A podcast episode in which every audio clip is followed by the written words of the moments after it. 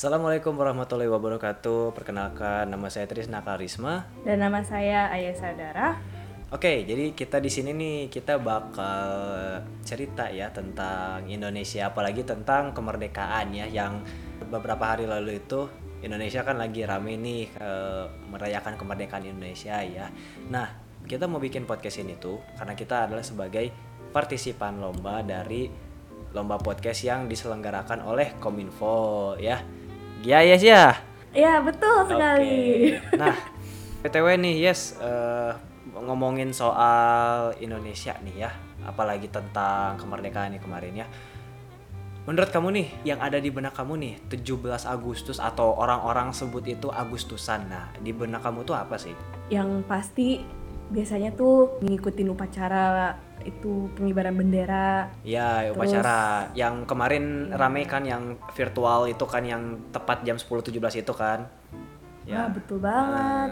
Eh, biasanya kalau dulu-dulu ya eh, langsung ngumpul di lapangan di kompleks masing-masing. Terus ada lomba apa pun itulah. Ya, bener Lomba banget ya makan dulu. kerupuk, lomba masukin pensil. Wah macem-macem lombanya pokoknya. Hmm, aduh, jadi kangen ya soalnya Agustusan kemarin gak ada kayak gitu ya. Aduh, sedih banget ya ampun. Ah. Sedih banget. Nah, cuman ya kalau dari itu kan apa ya? Itu hanya dari seke- sekedar yang apa ya? Untuk dari tahun ini gitu ya. Maksudnya jadi memang kalau 17 Agustus itu atau Agustusan itu memang cuman sekedar lomba-lombaan aja gitu atau gimana? Kalau mau mengungkit sejarah, pasti ada sejarahnya. Ah, Kenapa iya. ada kemerdekaan itu? Kalau kita dengan zaman-zaman sekarang pasti mikirnya, wah lomba ini ntar tahu-tahu ada aja. Tapi kalau misalkan melihat perjuangan perjuangan pahlawan-pahlawan yang ada yang bener-bener sampai menyatakan merdeka, kayaknya itu sih panjang banget. Iya, jelas banyak banget ya. Menurut kamu nih Tris, Hmm. sebenarnya Indonesia tuh udah merdeka belum sih? Kalau masalah udah merdeka ya, kalau misalkan memang secara yang kita tahu secara generalnya ya, secara umum, memang sudah merdeka ya, tepatnya kan waktu tanggal 17 Agustus tahun 1945. Memang semua orang pasti udah tahu itu ya kemerdekaannya. Cuman kan kalau untuk saat ini bisa dibilang kita kayak dijajah lagi gitu loh. Maksudnya kita banyak banget eh, jajahnya itu dari ber- dari berbagai sisi dari benar-benar yang segi ekonomi dari segi apa pun itu kita kita benar-benar kayak dijajah ulang contoh ya contohnya pertama itu eh, Indonesia tuh dijajah sama pasar luar ya. Eh, maksudnya itu gini memang secara fakta itu Indonesia itu lebih banyak kan impor dibanding nilai ekspornya. Jadi kan banyak banget tuh eh, produk luar negeri yang, yang masuk ke kita. Sedangkan produk-produk yang dari kita yang dikirim ke luarnya itu sedikit gitu loh sedikit jumlah dari impor. Walaupun memang kita cukup aktif ya dalam eh, ekspor impornya terutama ekspornya kita lagi cukup melaju cuman kita memang tertinggal jauh gitu ya dengan yang pemasukan impornya itu kita tertinggal jauh ya nah itu kalau dari sisi ekonominya ya dan kalau dari sisi lainnya kita dijajah itu sama yang namanya coronavirus atau kita sebut dengan COVID-19 ya nah itu sebenarnya memang nggak cuman Indonesia doang ya yang dijajah sama COVID-19 itu. Semua negara seluruh dunia itu dijajah lagi. Dijajah lagi sama virus ini tuh. Indonesia itu bener-bener dihambat banget rasanya. Jadi kayak banyak banget pekerja yang di PHK, banyak orang yang kehilangan pekerjaannya, anak-anak pun susah banget untuk sekolah ya walaupun memang sekarang ada fasilitas sekolah daring ya. Tapi kan memang tidak seefektif secara tatap muka ya. Memang beda banget rasanya gitu ya. Jadi memang benar-benar Indonesia tuh kayak benar-benar dijajah lagi gitu loh. Dibilang merdeka memang se- secara historis merdeka ya. Cuman kan yang namanya musuh kembali lagi gitu kembali datang. Jadi ya kayak gitu Tapi nih Tris, hmm. sebenarnya tuh kita udah merdeka secara tersirat belum sih? Sebenarnya memang belum ya, karena kalau kita flashback lagi ke sejarah ya, eh, memang waktu itu kan Belanda itu sempat ngerebut ngerebut lagi ya, ngerebut lagi Indonesia setelah kemerdekaan itu ya.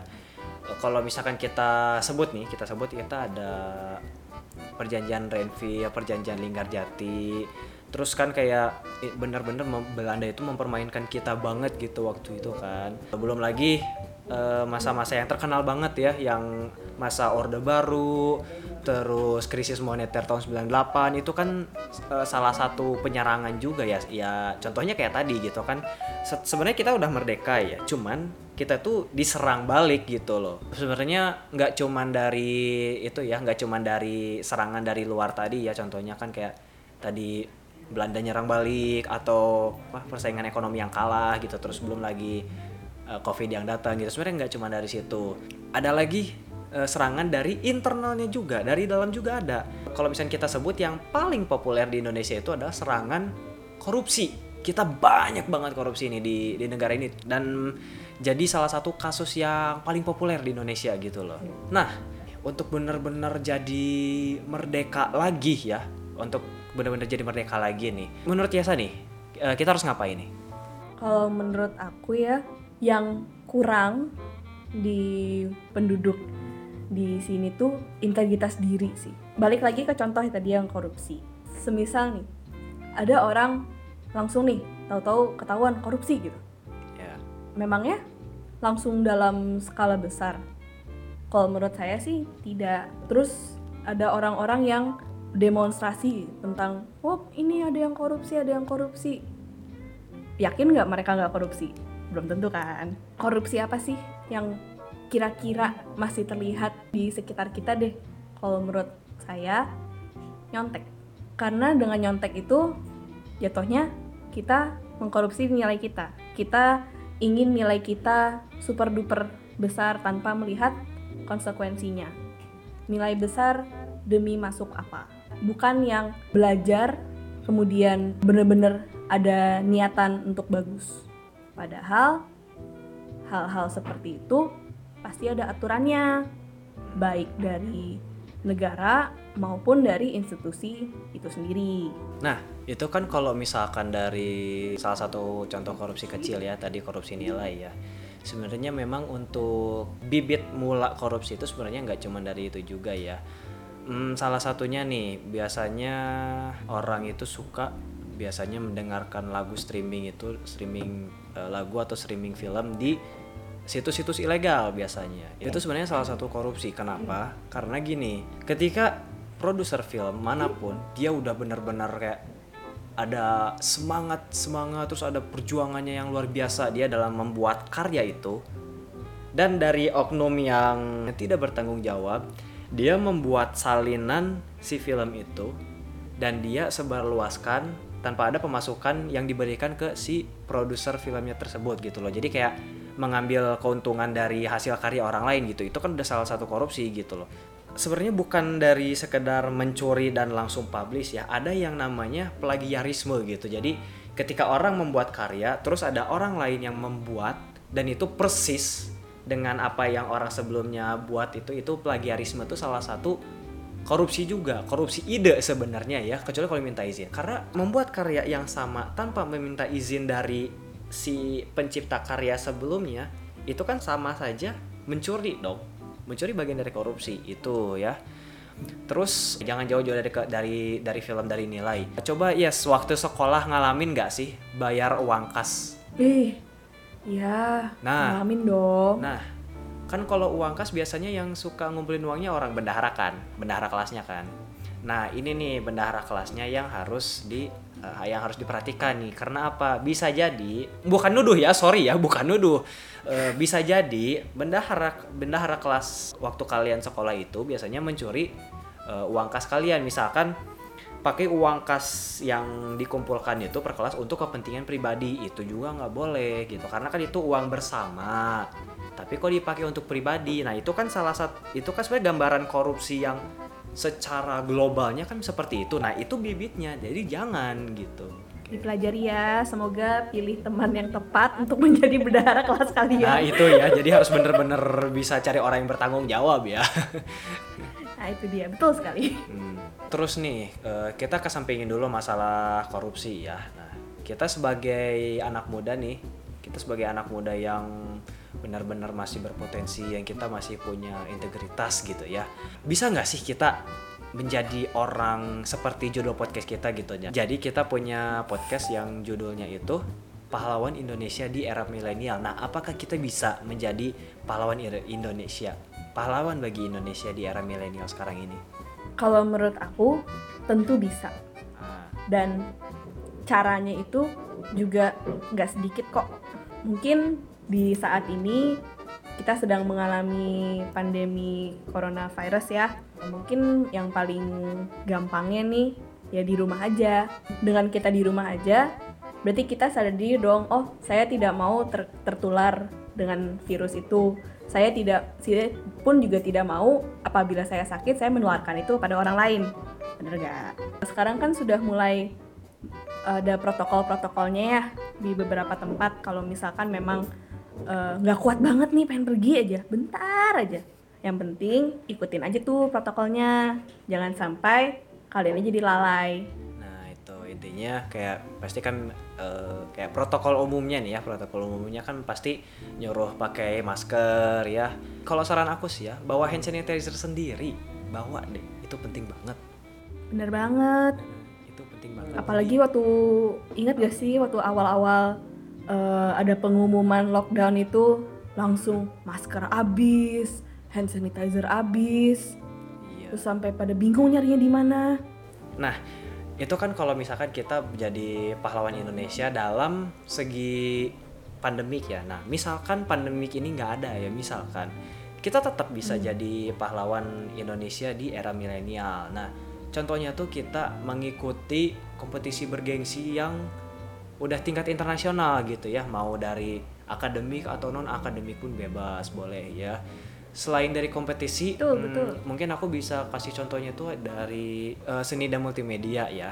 Nah, coba yes inget nggak sih dulu waktu tahun 2011 ada film Indonesia judulnya The Raid atau judul Indonesia itu Serangan Maut, inget nggak? wah itu kan udah ternama banget ya Nah, itu kalau misalkan aku dengar dari dari banyak suara ya, itu tuh dia menjadi gerbang terbukanya ter- eh, Hollywood terhadap Indonesia gitu. Jadi kayak eh, Hollywood mulai memandang Indonesia dia eh, punya film yang bagus gitu ya. Selain dari The Raid tahun lalu nih, tahun lalu banget 2019. Ingat nggak film Gundala? semua orang juga pada nonton itu Tris Nah, Gundala juga salah satu film superhero Indonesia yang tembus juga ke Hollywood. Dan baru-baru ini eh, premiernya baru digalakan di Prancis baru-baru ini loh. Jadi kan kayak eh, kita sebagai warga Indonesia kayak wah gitu kita punya karya yang bagus nih ke internasional. Ingat gak sih kemarin ada lagu yang cukup populer ya menurut aku ya. Ada lagu yang judulnya tuh Lati, ingat gak sih? oh itu bukannya belum lama dirilis ya Iya iya itu itu masih masih terhitung cukup baru ya. Itu lagu kalau kalau mungkin pendengar belum tahu ya itu lagu hasil karya dari anak bangsa. Walaupun nama grupnya Weird Genius, walaupun namanya nama internasional, nama luar ya sorry. Tapi itu eh, komposernya itu tiga orang dari Indonesia tiga tiganya termasuk eh, vokalis yang ada di lagu itu dia orang Surabaya. Nah salah satu lagu itu salah satu lagu-lagu mereka lagu itu Lati itu itu bener-bener booming sampai keluar. Bahkan lagu lagu itu tuh kayak dipromosikan ke billboardnya yang di New York itu aku apa namanya sih aku lupa. Pokoknya di New York itu loh yang eh, papan billboard iklan yang besar itu loh. Itu sampai dipajang di sana. Gila nggak sih? Tapi jujur ya aku pas masa kuliah aku ngiranya Weird Genius bukan orang-orang Indonesia loh. Sama sama sama. Itu tapi pas kok dengar dengar kok kayak ada bahasa Jawanya gitu loh. Jadi kayak ini bagusnya di sini nih jadi si lagunya ini dia membawa culture Indonesia ke luar gitu. Dia ada musik gamelannya kan terus di tengah liriknya juga ada ada sedikit sepincut lirik Jawanya juga ada. Terus kalau misalkan kalian lihat dari musik videonya itu bener-bener mengangkat banget budaya Indonesia gitu. Kayak debus gitu kan ada part yang mereka makan kaca gitu. Terus ada juga yang wayang juga ada terus ada yang apa namanya kuda lumping juga ada. Itu kan culture Indonesia terbawa ke internasional gitu kan. Itu bener-bener kok bener-bener kayak seneng banget gitu loh. Kayak orang luar bisa mengerti apa bisa tahu Indonesia dari sebuah karya gitu. Untuk apa ya kalau aku yang lihatnya untuk musik video yang membawakan budaya Indonesia tuh kayaknya udah lama banget. Nggak ada yang kayak gitu Iya. jadi aku apa tingkat apresiasi aku cukup tinggi untuk lagu ini sih. Ya cukup tinggi karena memang boomingnya itu sampai keluar gitu loh. Nah bener banget. Eh, itu kalau dari sisi karya ya balik lagi tadi kalau kita bahas tentang kompetisi ya baru-baru ini salah salah satu tim e-sport Indonesia eh, Big Etron ya namanya Big Etron dia berhasil memenangkan eh, kompetisi PUBG Mobile di tingkat Asia tingkat satu loh. Wah. Itu kayak bener-bener kan bergengsi skala internasional walaupun tingkatnya Asia iya. Tapi kan menggabung dengan berbagai negara itu sudah termasuk internasional. Nah dengan dia memenangkan kompetisi e-sport itu dia kan berarti mengangkat nama Indonesia ke luar ya. Berarti kayak membuktikan bahwa Indonesia punya prestasi tidak hanya dalam bidang akademik non akademik pun Indonesia punya prestasi. Sebelum-sebelumnya Indonesia mungkin pernah ada yang lomba olimpiade ke luar negeri mungkin ya mungkin ada yang ngalamin gitu ya. Pasti ada gitu. Kan itu mengangkat nama Indonesia gitu ke internasional gitu. Indonesia punya prestasi akademik. Nah gil- giliran anak akademiknya pun Indonesia punya salah satunya tadi gitu. Nah ya menurut kamu nih ya semua peserta podcast yang diselenggarakan oleh Kominfo ini nih mereka bisa jadi pahlawan gak sih? Atau misalkan mereka layak disebut pahlawan? Menurut aku sih bisa kok kita disebut sebagai pahlawan. Karena dengan adanya lomba ini aku yakin tujuannya agar bisa mengapresiasi karya-karya penduduk kita sendiri. Maksudnya dengan kita mengadakan lomba ini berarti kan gak cuma rekaman kita dong. Pasti ada rekaman-rekaman orang lain yang mungkin kita nggak tahu siapa tapi kita juga pasti bisa mengapresiasi karena usahanya untuk membuat rekaman seperti rekaman kita. Dengan kita berkarya kerasa nggak sih kalau kita tuh kalau di kampus tuh dulu pada ngomongnya agent of change. Jangan lupa. Pasti pada gitu kan? Inget Agent gak? of change. Ya ya ya. Bener kan? Gitu. Ya ya ya. Jadi kita dengan usia kita yang sudah memasuki usia produktif, berarti kita harus produktif dong. Ya enggak? Menurut aku, kemenangan itu bisa menjadi sebuah hadiah. Tetapi proses untuk menuju kemeng- kemenangannya itu pengalaman yang nggak bisa tergantikan. benar karena pengalaman itu tidak bisa dinilai dengan uang ya Ya, betul banget. Buat apa kita udah susah payah, terus tahu-tahu diganti sama uang, eh balik lagi dong ke bahasan yang tadi ya. iya balik lagi Muter-muter aja terus kita. Gimana Tris? coba nggak apa apa Kan tadi tentang kemenangan ya. Tapi kalau menurut aku kemerdekaan juga loh, karena perjuangan selama masa penjajahan itu yang menjadi pengalaman berharga di sejarah kita ini. Jangan lupa juga nih sama kutipan dari Soekarno. Beri aku seribu orang tua, niscaya akan kucabut Semeru dari akarnya. Dan beri aku sepuluh pemuda, niscaya akan kugunjangkan dunia. wah itu keren keren ya Eh, kutipan yang kutipan yang bagus banget Sumpah, itu kutipan yang bagus banget bahwa dari perkataan Soekarno waktu dulu ya. Jadi intinya adalah kita pasti bisa menjadi pahlawan bagi Indonesia. Apa pun itu. Tadi udah aku bilang sebelumnya ya. Mau dari sisi akademik non akademik, kalau misalkan kalian ikut kompetisi atau misalkan kalian berkarya dengan ikut lomba podcast ini aja kalian sudah berkarya loh, berkarya atas nama Indonesia. Semoga siapa pun peserta podcast ini bisa menjadi inspirasi buat para pemuda lainnya untuk berkontribusi lebih terhadap Indonesia supaya membanggakan Indonesia dan bisa membawa nama Indonesia ke tingkatan yang lebih hebat di mata internasional ya. Oke, podcast ini kita akhiri sampai sini. Terima kasih semuanya yang sudah mendengarkan, yang sudah menyaksikan podcast ini. Dan tidak lupa kita berterima kasih sama Kominfo yang telah menyelenggarakan lomba podcast ini supaya menginspirasi semua pemuda di Indonesia untuk terus berkarya, untuk terus berjuang da- dalam hal apa pun ya, dalam hal apa pun dan mengangkat nama Indonesia ke tingkatan yang lebih tinggi di mata internasional. Kalau begitu, terima kasih sudah menyaksikan dan salam pemuda Indonesia merdeka.